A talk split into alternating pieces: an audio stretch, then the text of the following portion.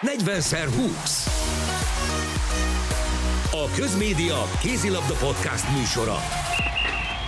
Köszöntöm a kedves hallgatókat, ez a 40x20 a Közmédia Kézilabdás Podcast műsora. A mai beszélgető partnerek, már szokott módon Rodics Dániel, az MD munkatársa, én magam Szilágyi Péter vagyok az M4 Sporttól, és van velünk egy új vendég, Nagy Ákos, az M1, nek a munkatársa. Köszönjük, hogy itt vagy velünk, reméljük majd gyakran hallunk téged is. Aki pedig itt van velünk a vonalban, az Tatai Péter, az Alba Fehérvár KC, és most már a magyar női kézilabda válogatott kapusedzője. De mielőtt belebeszélgetnénk, meghallgatunk egy rövid interjú részletet Golovin Vladimirrel, amelyet Rodics Dániel készített vele.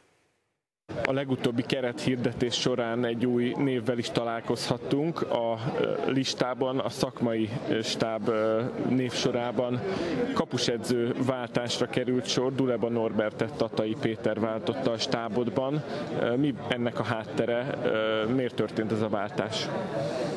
Hát a Duleba Norbertnek a kérésére otthoni dolgok miatt, vagy a, a ő kért, hogy ő már nem szeretné tovább folytatni ezt a munkát, nem tudna itt segíteni, vagy hogy mondjam. Utána gyorsan próbáltunk keresni, hogy ki legyen az utód. Az volt, hogy igen, legyen fiatal, meg törökvő.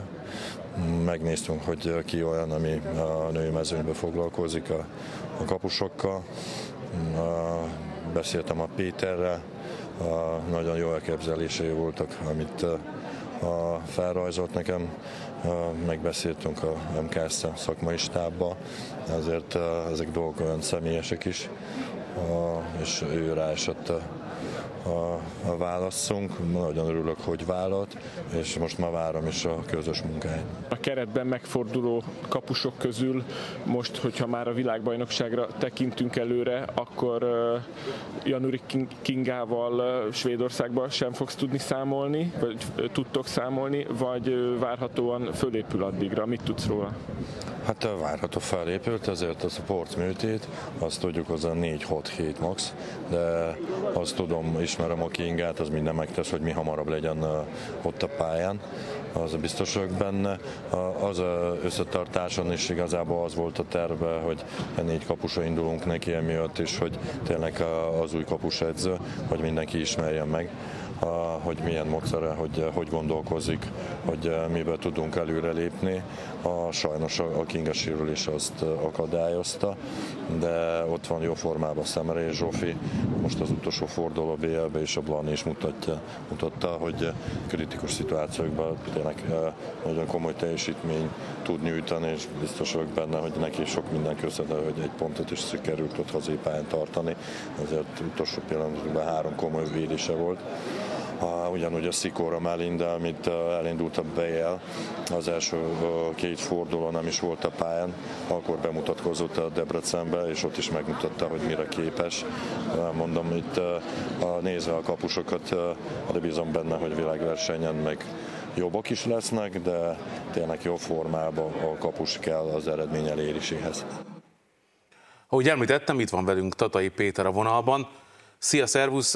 Az lenne az első kérdésem, hogy hogy fogadtad a szövetségi kapitány úr megkeresését, hogy vállald el a kapusedzői posztot a női válogatottnál? Sziasztok, én is üdvözlök mindenkit.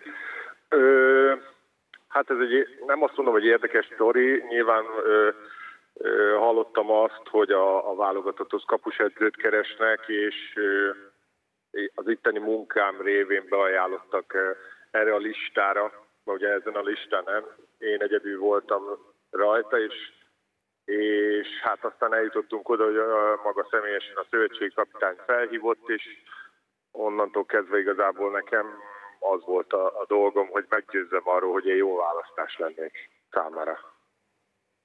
És mivel kellett meggyőznöd, illetve mivel győzted meg szerinted? Hát nem tudom, nyilván, nyilván próbáltam a, a legészszerűbben felépíteni ezeket a dolgokat azt, ahogy dolgozom itt is, és amilyen, amilyen az én filozófiám, azt elmondtam. Szeretnék majd a válogatottba is kialakítani egy olyan kapus magot, ahol, ahol, ahol most talán egy kicsit egyértelműbb lesz az, hogy ki, ki fog védeni, ki az, akire nagyobb szerep hárulhat. Azt szeretném kialakítani majd, hogy legyen egy, egy valaki, aki a stabil pont lesz a kapuba. Nyilván nem lehet 6-7 mérkőzést folyamatosan ugyanazzal a teljesítménnyel levédeni, tehát kell majd egy, egy kiegészítő, egy második számú kapus is, aki, aki ugyanúgy jól fog tudni beszállni, de, de szeretném szeretném, ha egyértelműbbek lennének azok a dolgok, hogy, hogy ki a kezdőkapus, és ki az, a, a, aki második számuként van jelen a válogatottba. Hát ilyen szempontból én abszolút laikus vagyok, de azt gondolom, hogy nagyon ne, nehéz dolgod lesz, mert a, a bőség zavarával fogsz küzdeni, én vagy mi a közelmúltbeli beszélgetések alapján legalábbis úgy gondoljuk, hogy Bíró Blanka, Janurik Kinga, Szikora Melinda és Szemerei Zsófi is na- nagyon jó kapusok, és hogyha jó formában vannak, akkor, akkor nagyon nehéz lesz kiválasztanod azt vagy azokat, akik, akiket javasolsz a csapatba. Ezzel egyetértek, ez így is van. Hála Isten inkább azt mondjuk, hogy a bőségzavara van, mint hogy nem lennének úgyhogy nyilván ennek örülhet az ember, ha több kapusból lehet választani, de kell nézni a, a, a pszichés dolga, dolgát ennek egy világversenyen, mert nem feltétlen jó bizonyos csapatoknál az, hogyha ha állandóan cserégetve vannak a kapusok. Tehát kell egy stabilitás, ami, ami megvan a védő és a kapus között, és, és ezt kell a lehető legjobban. Nyilván hál' Istennek jó sok mérkőzésünk lesz majd a világbajnokságig, ahol szerintem mindenki megfelelő lehetőséget fog kapni. Nyilván, nyilván ez már a lányokon fog múlni, hogy, hogy hogyan tudnak élni ezzel a lehetőséggel. Mennyire volt egyébként lehetőséged akár már picit jobban belegondolni, vagy monitorozni a lányokat, a szóba jöhető négy kapust, hogy akár stílus szempontjából, akár teljesítmény szempontjából kialakítsa fejedben egy rangsort? Ö, mind, mind a négy kapussal beszéltem, nagyjából ugyanazokról a dolgokról is beszéltünk. Ez vitán felül áll, hogy ők négyen képviselik azt a magot, amiből nekünk tudni kell majd választani. Ők, ők mindenki által, és ez, ez, ez egy, hangú igazából a, a legjobb kapusok, akik közül lehet válogatni. Ö, ugye vannak, vannak ilyen, ilyen külön dolgok, hogy a, hogy a Blanira is nagyon számítunk, nem úgy jött össze idáig ez a szezonkezdés a számára se, ahogy ő szerette volna, beszéltem vele is, nagyon rosszul is viseli, és, és igazából ez még a, az előnyünkre is válhat, mert ilyenkor, ilyenkor a kapusok azért még, még dacosabbak, és még jobban be akarják bizonyítani, hogy nekik igenis van szerepük, van helyük. Úgyhogy a többiek azért viszonylag jó formában vannak, de azt gondolom, mire a világbajnokságra kerül majd a sor, addigra szerintem mindenki jó formában lesz, úgyhogy nem lesz könnyű dolog kiválasztani. Lehet, hogy nagyon-nagyon kis dolgokon fog múlni a, a, a kiválasztás. Ez egyébként nekik is említetted, hogy ez lesz az új szakmai szempont, hogy, bocsánat, hogy, hogy egy kapus, vagy két kapus legyen az, akik a terek nagy részét elviszik, és ezt hogy fogadták egyébként? Igen, én, én, már, én mindegyiknek ugyanezt a, a, a víziószerűséget vázoltam fel. Nagyjából egyébként mindenki egyet is értett vele úgyhogy nem, nem annyira megszokott egy világversenyen, hogyha mi meccsenként cserégetünk kapusokat. Tehát nagyon sok válogatott még akkor sem teszi meg, hogy kicserél egy kapust egy világversenyen, hogyha az adott kapus, kapusok, mondjuk ketten nem, nem védtek jól. Mert, mert ennek is van egy, egy, egy, egy ilyen lélektani dolog. Tehát, hogyha most kicserélem a kapusomat, akire, akinek bizalmat szavaztam az első mérkőzésen, de mondjuk rosszul sült el, utána ő például leül a lelátóra, akkor onnantól kezdve hogyan fog forogni. Tehát a harmadik meccsen majd visszateszem, tehát hogy ezekkel nagyon érdekesen, meg nagyon-nagyon körültekintően kell bánni, és én ezért nem hiszek ebbe, ebbe a forgatásba, és, és bízom bennem, mondom még egyszer, hogy majd ki fogunk tudni alakítani egy olyan, olyan rangsort, ami alapján meg, meg tudjuk állapítani, hogy ki lesz a kezdőkapus.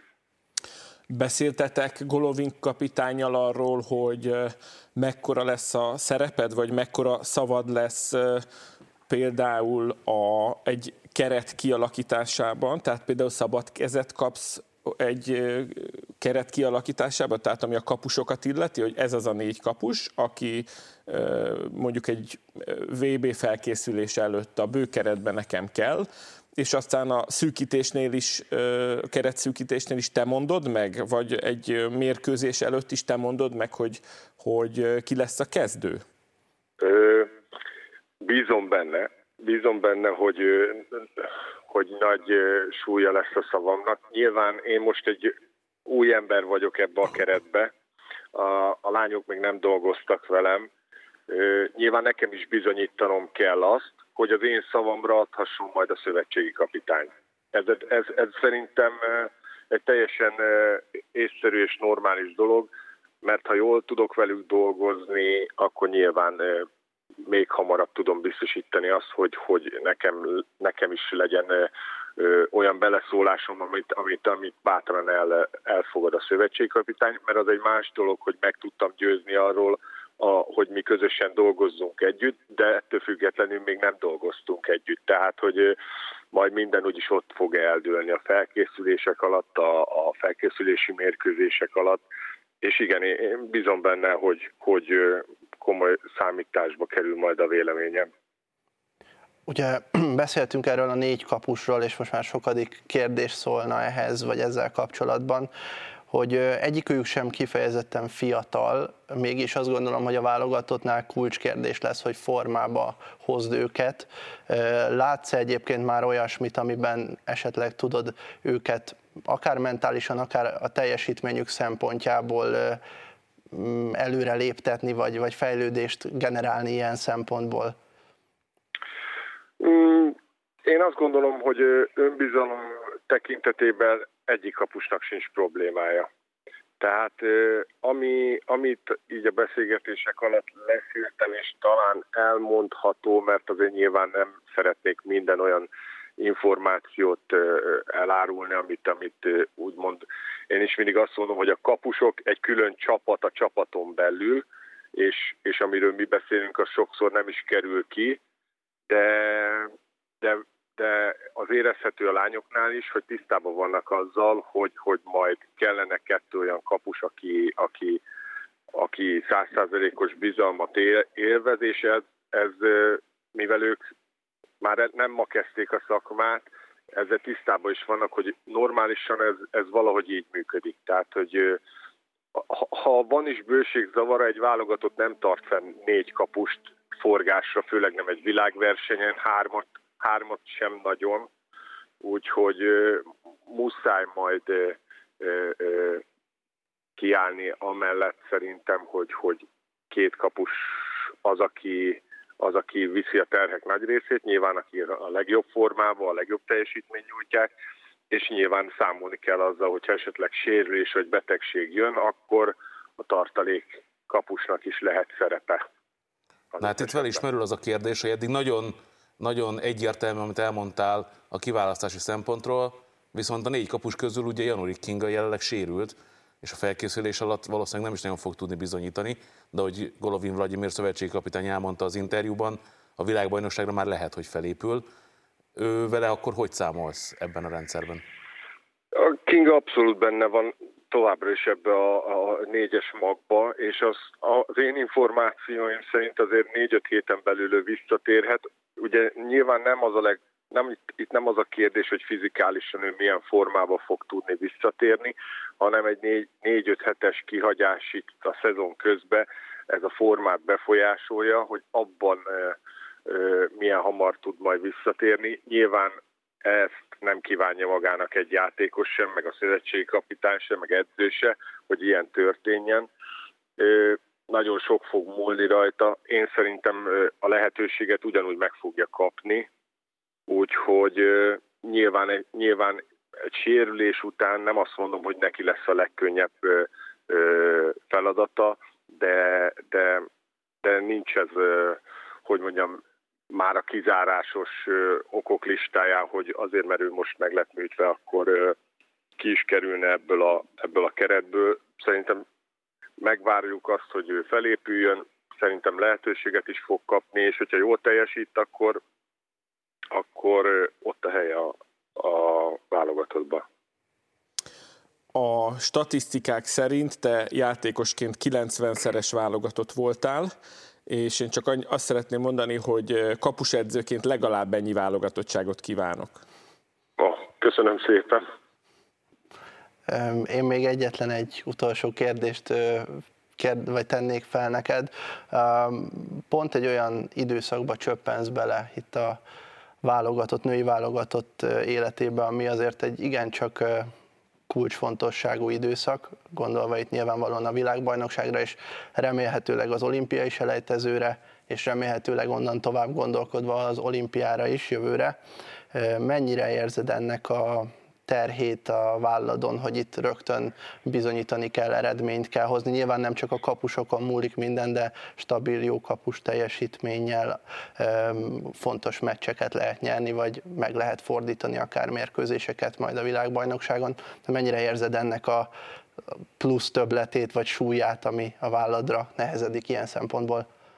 Ez egy, ez egy nagyon jó kérdés egyébként, és erre, erre nehéz nehéz úgy válaszolni, hogy, hogy hogyha el, el akarnám is másolni ezt a kérdést, akkor, akkor megtehetném, de inkább őszintén válaszolok rá, hogy már a mindennapokban érzem ennek a terhét.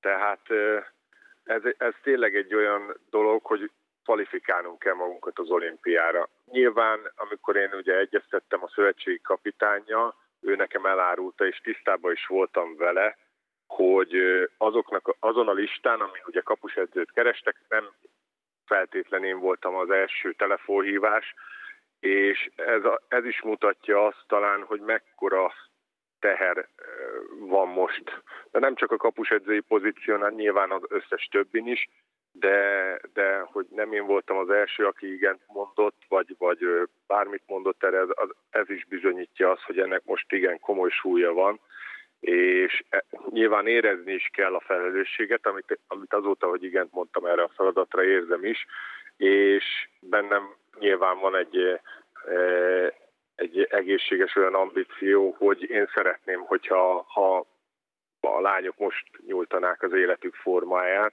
ezen a világbajnokságon, és, és talán a világbajnokság vége felé, de jó lenne arról beszélni, hogy nem a kvalifikációt akarjuk mi megszerezni, hanem, hanem mást is akár mert olyan kapusokról beszélek még egyszer, akik, akik persze szerintem benne van a, a, az óriási teljesítmény, és, és jó lenne, hogyha én tudnám még ahhoz segíteni őket, hogy ez még, még magasabb legyen. Hát kívánjuk, hogy ez így legyen. Nagyon szurkolunk a magyar női kézilabda válogatottnak már jövő héten az Európa Kupá, Eurókupában is, majd pedig a világbajnokságon. Köszönjük, köszönjük, hogy itt voltál velünk. Én is köszönöm. Sziasztok! Köszönjük, Köszönjük szépen! Szia. Na hát izgalmas hetek jönnek. Jövő héten ugye Eurókupán szerepel a női válogatott, Norvégiát fogadjuk, aztán pedig Ausztriába megyünk. Mit vártok ti a válogatottól? A keretet ismerjük, azt ugye már nyilvánosságra hozta a Golovin Vladimir szövetségi kapitány. Milyen eredményre számítotok? Hát nagyon érdekes ez a keret, most pont az jutott eszembe, miközben Petit hallgattam, hogy vannak olyan posztok, ahol ö, olyan játékosok maradnak ki, nem csak a csapatból, hanem akár a keretből is, akiknek egyértelműen ott lenne a helyük a pályán, de olyan, olyan túljelentkezés van, idézőjelbe, vagy túlkínálat, hogy nem tudnak bekerülni még a keretbe se. Például Korsós Dorina, vagy a, a négy, vagy most három kapus közül egy vagy kettő. És vannak olyan posztok, ahol pedig hát az ember fanyaloghat, vagy hát pisloghat, hogy olyan kulcsfontosságú posztok, mondjuk most konkrétan balátlövőben Szörösi Zácsik Szandra sérülése miatt, hát nem, nem vagyunk acélosak. A kérdésedre válaszolva, a, nem hiszem, hogy itt az eredmény számítana az Eurókupában. Sokkal inkább az, hogy most el lehet kezdeni a világbajnoki felkészülést, illetve hát a, a célegyenesbe lehet fordulni, ami a világbajnoki felkészülést illeti. Nagyon jó, jó két meccs lesz, az egyik ellenfél az a világ legjobbja, vagy a világ egyik legjobbja, a másik ellenfél idegenbe pedig egy, egy olyan csapat, amelyik nem azonos szinten van a miénkkel, hanem egy picit gyengébb, tehát nagyon sok mindent lehet gyakorolni. A, nyilván a, a keret az adott, egyrészt a kapitány döntései miatt, másrészt pedig a, a sérülések is behatárolják a Golovinnak a lehetőségeit. Úgyhogy engem az eredmények túlságosan nem érdekelnek, az érdekel, hogy, hogy hasznosítsák az e- összes edzésnek, meg a mindkét meccsnek minden percét arra, hogy, hogy egyre jobb legyen a csapat, mert hát ne, ne nagyon tagadjuk, ugye, hogy van honnan javulni, és, és a, a sorsolás ismert, a célok ismertek, úgyhogy nagyon örülök, hogy, lesz ez a két meccs, illetve kíváncsian várom, amit Peti mondott, megütötte a fülemet, hogy sok meccs lesz, tehát elég, elégséges meccs, felkészülési meccsek lesznek a, a világbajnoki kiutazás előtt, ami hát nyilván szintén nagyon hasznos. Te mire számít a Ákos? Ugye, ahogy Dani mondta, talán az eredmény annyira nem számít, viszont a mutatott játék azért, azért fog számítani, még hogyha még nem is most kell csúcsformában lenni a játékosoknak. Te mit vársz ettől a női válogatottal most? Alapvetően én is egyetértek Danival, hogy itt nem az eredmény, nem a, nem a számszerű eredmény lesz a lényeg, és én is azt gondolom, hogy minden most egy világbajnoki fókuszon keresztül nézendő majd itt a, a következő hetek, hónapok meccséből. Engem is meglepett, amit Tatai Péter mondott, hogy sok meccsünk lesz, ez alapvetően jó is lehet. Azt is gondolom, hogy az Eurókupa arra is jó, hogy nem tétmérkőzések, ha szigorúan nézzük, tehát itt a legtöbb válogatott azért Európa bajnok is elejtezőket játszik, ahol ne Isten nem fér bele annyira a hibázás. Itt szerintem, hogyha van egy rosszul sikerült meccsünk, megyünk tovább, és lesz egy újabb lehetőség a javításra, és tényleg a világbajnokság lesz talán a legfontosabb.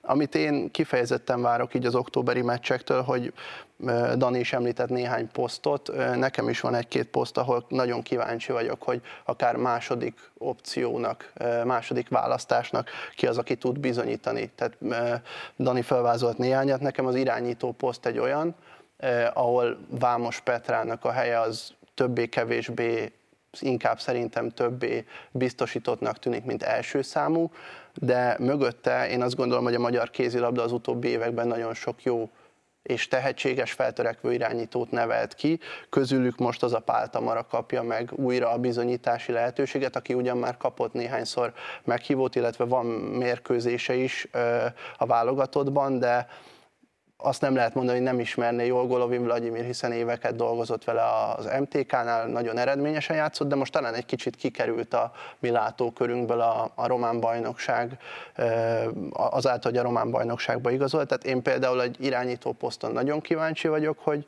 hogy ki az, aki jó választásnak tűnik, illetve a balátlövő poszt is nagyon érdekes, hogy Kucora Csenge az előző Európa-bajnokságon első számúvá tudott előrelépni, de mondjuk Juhász Gréta bizonyítja-e azt, hogy ő nemzetközi szinten is számításba vehető. Nekem most így első körben ezek jutottak eszembe, és ez az, ami, ami engem kifejezetten érdekel, hogy, hogy ezeket hogyan oldjuk meg, vagy mi az, aminek a kezdeményeit látjuk majd a, ezeken a meccseken.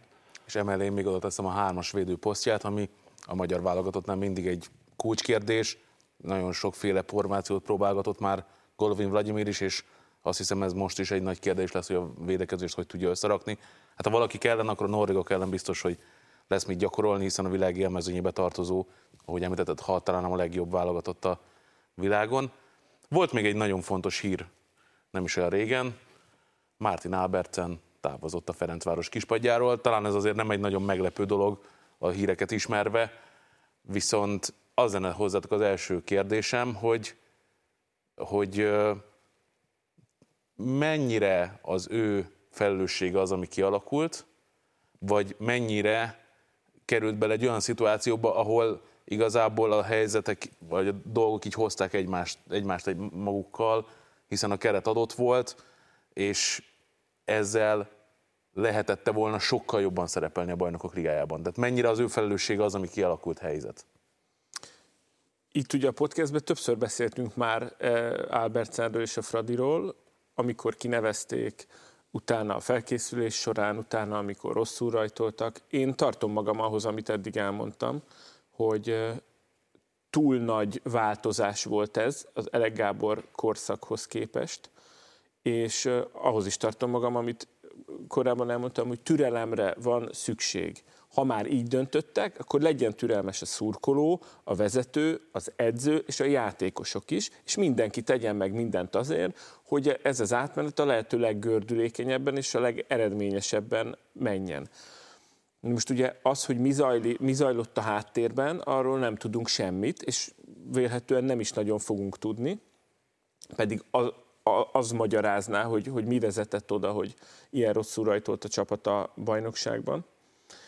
De az biztos, hogy a, a, a türelem ugye a, nem volt meg. Most, hogy konkrétan hogy zajlott ez a váltás, hogy tényleg Albertsen mondott-e föl, vagy mondták neki, hogy mondjon föl, szóval, hogy, hogy kinek a részéről nem volt itt meg a türelem, azt, nem, azt én nem tudom, nem hiszem, hogy ez ki fog derülni hogy a játékosok részéről minden edzésen és minden meccsen megvolt-e az a bizalom a, az edző iránt, önmaguk iránt, a, a munka iránt, meg az az odaadás, azt sem tudom, de lehet, hogy nem. Tehát itt én csak találgatni tudok, az biztos, hogy ez a lehető legrosszabb, ami a Fradival történt, azután, hogy 1997 után sikerült megvédeniük az elsőségüket a Magyar Kupában, és 2002 után játszhattak újra bajnokok ligája döntőt. Tehát most nagyon magasról, ha nem is nagyon mélyre, de hát egy viszonylagos gödörbe kerültek, de hát ugye még csak október eleje van. Nagy kérdés, hogy kit lehet találni, most kicsit most előre szaladok, kit lehet találni most ilyen beugró edzőnek, és azzal milyen, milyen eredményeket fognak tudni elérni. De hát ugye a szezonnak az érdemi része az mindig a világverseny után kezdődik, Úgyhogy... Hát a... addig csak elveszíteni lehet a dolgokat, megnyerni nem. Így Viszont van. lehet, hogy a Fradi már túl sokat veszített addigra. Hát, meg, meglátjuk. Ez nyilván attól függ, hogy majd az egyenes kieséses szakaszba egyetlen eljut-e, és, és ott kit kap, és ott azt el tudja búcsúztatni. Erről is sokat beszéltünk már. Én nem gondolom, hogy E, már most elvesztette, de az biztos, hogy nagyon nehéz dolguk lesz a folytatásban. Talán most nem, náluk nem is az a kérdés, hogy a BL-ben mit fognak elérni ebben a szezonban egy ilyen rajt után, hanem az, hogy a bajnokságban mit fognak elérni, ahol ugye matematikailag lépéselőnyben vannak, mert ők ugye eddig minden meccsüket megnyerték, a Győr pedig kikapott Moson Magyaróváron, ők meg megverték a Moson Magyaróvárt, tehát matematikailag ők lépéselőnyben vannak de a legnagyobb kérdés az, hogy milyen, tehát olyan edzőt találnak, akivel ezt a szezont végig lehet csinálni, vagy eredményesebben, vagy kevésbé eredményesebben, vagy olyan szerencséjük lesz, hogy most szezon közben tudnak találni egy olyan edzőt, akivel hosszabb távon tudnak számolni. Hozzád hasonló a kérdésem, mennyi a felelőssége szerinted Ákos az edzőnek, mennyi a játékosoknak? Tényleg kicsit azt nehéz eldönteni, hogy, hogy a Fradi a bajnokságban és a bajnokok ligájában teljesen más arcát mutatta, nem összehasonlítható a két szintér. Ez teljesen egyértelmű, de, de a bajnokságban sokkal inkább fel lehetett fedezni azokat a jegyeket, amiket Albertsen ígért, vagy szeretett volna egy gyors kézilabdát játszatni a csapattal. A bajnokok ligájában pedig nekem talán ott van a legnagyobb hiányérzetem, hogy a, a Rapid Bukarest előtti három BL fordulóban a, a Fradinak nem volt a 40. perc után esélye, reális esélye arra, hogy szoros vég, végkimenetelő meccset játszon.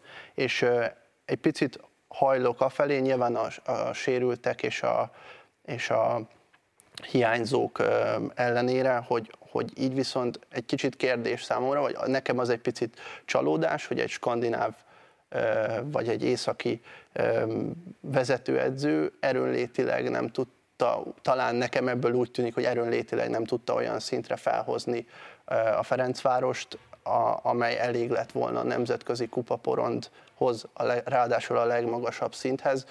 Kétségtelen, hogy jó csapatok ellen játszott a Fradi, kétségtelen, hogy nagyon-nagyon nehéz csoportja van a Fradinak, mert lássuk be, hogy akik jönnek, azok sem lesznek sokkal könnyebbek. Itt a Lublin az, aki ellen, és a Rapid elleni visszavágó az, amin a maximális pontot be kell zsebelni ahhoz, hogy, hogy, hogy továbbjutásról lehessen beszélni. Nekem talán ebben van hiányérzetem, aztán nyilván az, hogy, hogy az is kérdés, hogy, hogy azok a játékosok, akik partvonalon kívül kerültek, pedig be voltak nevezve, miért nem játszottak. Ezt nyilván nem tudjuk megint csak, hogy Despotovics, Kukajanna azért nem játszik, mert nincs formában, vagy mert nem élt felé a bizalom, és az látszott, hogy az első sor önmagában nem elég hosszú, vagy nem bírja végig ezeket a nagy intenzitású meccseket. Úgyhogy nekem e, nagyjából ezek azok, amik így vele kapcsolatban felmerülnek, mint kérdések, de nyilván, ahogy említettük itt többször is, erről nem tudunk többet, vagy nem tudunk mm, háttérinformációkat, hogy ez, ez melyik volt ezek közül igaz. Amit a 40. perc, amit említettél, az egyébként nagyon látványos volt. A Rapid ellen is akkor omlott össze a Fradi, ugye a pontszerzésre volt esély, hiszen döntetlen körülállás volt a végéig, de Kína csarnokban én helyszínen néztem, elképesztő feszültség volt végig, időkérések után is kijöttek a második félre, ott is feszültek voltak a játékosok, tehát annak ellenére, hogy megvolt a nagy előny, például Nyíri Zoltán mellett néztem többek közt, mindenki látott, hogy senki nem tudott ebben megnyugodni, ez a Fradi írtózatosan törékeny jelenleg, jelen állapotában, és ezen a meccsen is a nagy gól különbségű vezetés elnére is érezni lehetett, hogy itt még lehet baj. És ez szerintem a játékosoknak is egy kicsit görcsöséget adott, fáradtak, ugye alig tudtak cserélni, tehát hogy komoly strukturális gondjai vannak a Fradinak, ezért tényleg ez a fő kérdés, hogy oké, okay, nincs, nincs Ábercen, de hogyan tovább, mit lehet tenni ezzel a Ferencvárossal? Hát én azért csodálkozom azon, amit mondasz, mert ugye sokszor megbeszéltük, hogy olyan nagyon nem változott ez a keret a nyári szünetben.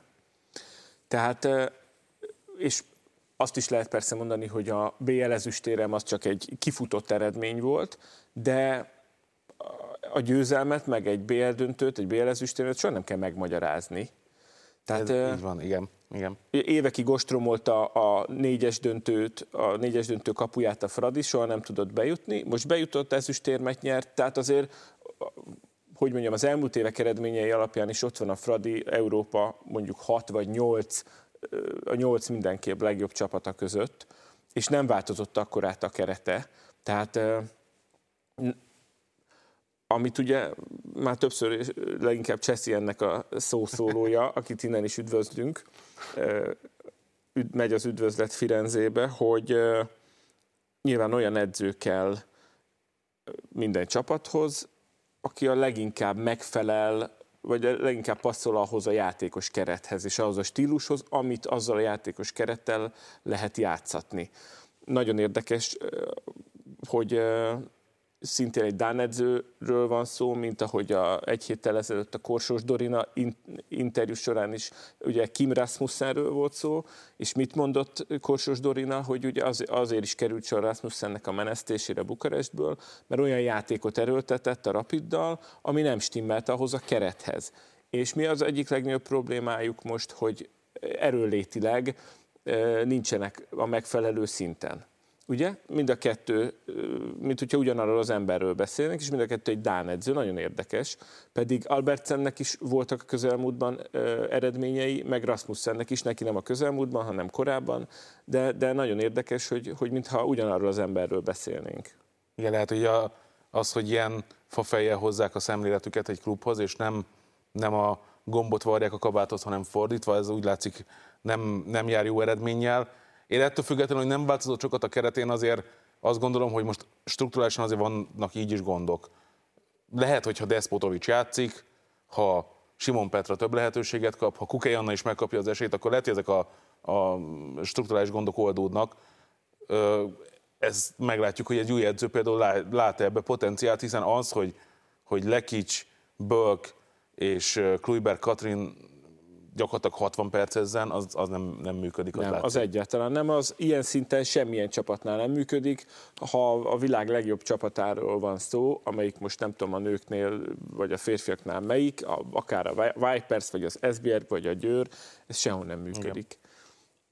A férfiaknál sem működik, meg a ilyen tempónál a nőknél se és nem is kell, hogy működjön, hiszen azért van egy klubnak költségvetése, vagy egy szakosztálynak, meg azért vannak benne jó játékosok a, a cseresorban, a kispadon is, hogy játéklehetőséget kapjanak. Tehát szó sincs róla egyébként, hogy, hogy a Fradi rá lenne szorulva, hogy mindig a, végig az első sorát játszassa szerintem. És nem is gondolom, hogy, hogy Simon Petra például ne tudna bizonyítani, hát ha sőt, megkapja az esélyt. Sőt. Despotovics pedig azért elég sok nagy csatát látott, hogy, hogy ne ijedjen meg azért a saját árnyékától, hogyha be kell menni például Rapid Bukarest ellen, akár csak percekre, hiszen azt se láttuk, hogy akár percekre bemenne. Simon Petra próbálta néha tehermentesíteni egy kicsit lekicséket, de, de ő is csak pár percet töltött benn a pályán. Ákos, te mit gondolsz, egy ilyen forró kis padra hogy fog találni a Ferencváros edzőt? Gondolkodtam ezen, de alapból azon is, hogy mennyire más a kézilabda világa, mint mondjuk akár a labdarúgásé, hogy ha Magyarországon van egy edzőváltás a foci NB1-ben, akkor fel tudunk sorolni 5-8 nevet, hogy ki lehet a jelölt a kispadra, itt pedig azért ilyen magas szinten nemzetközi tapasztalattal bíró edzőt találni szezon közben, vagy igazából a szezon elején, ez szerintem nem egy egyszerű feladat. Éppen ezért azon gondolkodtam, hogy picit megnéztem, hogy a jelenlegi másodedző, aki átveszi most a csapatot, Alan Heine, milyen, milyen múlttal, tapasztalattal rendelkezik, és ugyan együtt dolgozott Rasmussennel a svájci válogatottban, de előtte volt ő vezetőedző, a Nantnak többek között, és az Olborg női csapatának is. Nem tudom, hogy ez garancia-e bármire, de annyiból talán egy ilyen vészmegoldásnak, vagy egy ilyen próba időnek tekinthető talán az ő, ő személye, hogy van azért múltja, tudja, hogy hogyan lehet irányítani egy, egy csapatot. Nyilván nem biztos, hogy ezen a szinten, de hogy azt is látom, hogy meg kell, lehet, hogy meg lehet vele próbálni. Most, hogy ő, hogy ő tényleg mennyire képvisel olyan magas színvonalat, ez, ez majd valószínűleg hamar kiderül, illetve abból is, hogy mikor jelentik be, ha lesz új vezetődző, hiszen a közleményben azért beszédes, hogy ott volt, hogy ideiglenesen veszi talán helyne a, a munkát. Úgyhogy én nagyon kíváncsi vagyok, hogy kit lehet találni ebben a helyzetben, és nem tudom, hogy ki az, aki elvállalja ezt a, ezt a kispadot, mert ez tényleg mm, inkább egy jó nevű edzőnek bukási lehetőség, egy feltörekvőnek talán egy jó lehetőség, csak nyilván kérdés, hogy ki az, aki, aki most szóba kerülhet, vagy nem tudom, hogy ti láttok-e olyat most, aki egyértelműen jó megoldás lehetne, vagy Hát hallja az ember a neveket, vannak azért plegykák, némelyiket azért elég nehéz komolyan venni, főleg, hogy ugye még Kim Rasmussen neve is fölmerült, én azt azért nehezen tudom elképzelni, meg ugye Per Johanssont is mondták, de szintén azért neki is van olyan múltja a Ferencváros szurkolóival kapcsolatban, ami miatt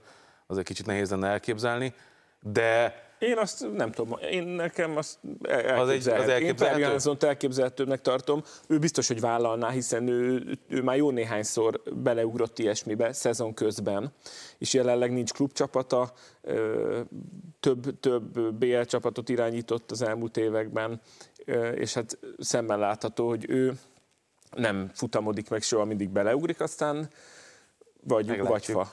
Az a kérdés, hogy hogy találnak olyan embert, aki ugye hosszú táv, most tényleg egy hosszú távú koncepció kell, hiszen jön a keretkialakítás, biztos, hogy már gőzerővel ez zajlik, hát kell zajlania, hiszen ugye a kézabda világában ekkora már nagyjából novemberre kész kell lenni a keretnek, vagy legalábbis a tárgyalásoknak nagyon előrehaladottnak kell lenniük. Úgyhogy olyan ember kell, aki vagy tud embereket hozni, ha kell, ebbe a keretbe, vagy pedig ebből tud építkezni, és be tudja gyorsan foltozgatni majd jövőre azokat a lyukokat, amik vannak. Viszont az biztos, hogy, hogy az egy erős kérdés, hogy most el kell engedni kvázi ezt a szezont, és felhasználni egy építkezésre, vagy ti azt gondoljátok, hogy ebben a szezonban, talán Dani, már valamennyire meg is válaszolta a te véleményedet, hogy azért továbbításra még bőven van esély a BL-ben, a bajnoki cím pedig ugye nincsen távol akkor inkább Ákos téged kérdezzek, hogy mennyire kell ezt az mondjuk elengedni, és fókuszálni a jövőre, vagy, vagy itt még azért eredménykényszer van? szerintem elengedni semmiképp nem kell. Dani is említette a bajnokságot, hogy ott minden esély megvan, és azt is tudjuk, hogy presztis kérdés egy magyar bajnoki cím megnyerése, pláne mm, látva, hogy, Győr, hogy a Győr milyen eredményeket produkál nemzetközi porondon, tehát az biztos, hogy nagyon nagy skalp lenne, ha egy ilyen Győrt sikerülne megelőzni a bajnokságban. A bajnokok ligájában pedig szerintem egy, egy Ferencváros szintű klubnál nem lehet kérdés, hogy bármilyen rossz a helyzet, vagy bármennyire úgy tűnik, hogy minden összeomlik, ugyanúgy ki, ki lesz tűzve szerintem vezetőségi szinten az, hogy tovább kell jutni, és ez nem gondolom, hogy irreális. Ezzel a döntetlennel nem szállt el minden esély. Én, én ezt, azt gondolom, hogy ez egy nagyon fontos dolog, hogy nem pont nélkül, hanem egy ponttal folytatja a Fradi, és egy olyan csapattal játszott döntetlent, amely közvetlen riválisa. Nyilván figyelni kell majd, hogy a Rapid esetleg csipegette bárhonnan máshonnan pontot, vagy a Fradi, a Fradi is tud csipegetni. Meg, a, meg, meg ugyanígy a Fradinak is jöhet bravúr. Tehát az, hogy a papírforma nem mellettük Igen. szól, a nő, férfibe is, de a női BL-be aztán annyi meglepetést láttunk, hogy... meg borzasztó hosszú azért a BL csoportkör, tehát rengeteg meccs van, sok utazással, ki milyen formában érkezik. Tehát én azt gondolom, hogy semmiképpen nem szállt el a lehetőség, a továbbjutásra nem hiszem, hogy el kell engedni, az biztos, hogy változásra vagy valamiféle javulásra szükség van ahhoz, hogy, hogy reálisabbá váljanak ezek a célok. Olyan szempontból jókor jött eh, valószínűleg ez az edzőváltás, még ha egy picit korainak is tűnik, hogy ugye november közepén lesz az első Fradi Győr rangadó a bajnokságban, tehát nem húzták, halasztották még néhány héttel, hát ha addig, ugye addig még van több mint egy hónap, eh, hát ha addig tudják rendezni a sorokat, mert az aztán a bajnoki cím szempontjából is egy nagyon érdekes, ha nem is perdöntő, de nagyon fontos meccs lesz, így, hogy jelenleg a vesztett pontok tekintetében jobban áll a Fradi. Igen. Hát nagyon nagy izgalommal várjuk a folyamatokat, nyilván a Fradinál a híreket is, hogy kit neveznek ki véglegesen, vagy kimarad, kimarad a kispadon. Jövő héten pedig akkor az M4 Sporttól láthatják a Magyarország-Norvégia és a Ausztria-Magyarország Euró Eurókupa mérkőzéseket élőben. Tartsanak velünk akkor is, meg a jövő heti podcast adásunkban is. Köszönünk, hogy, köszönjük, hogy minket hallgattak. 40x20 A Közmédia Kézilabda Podcast műsora.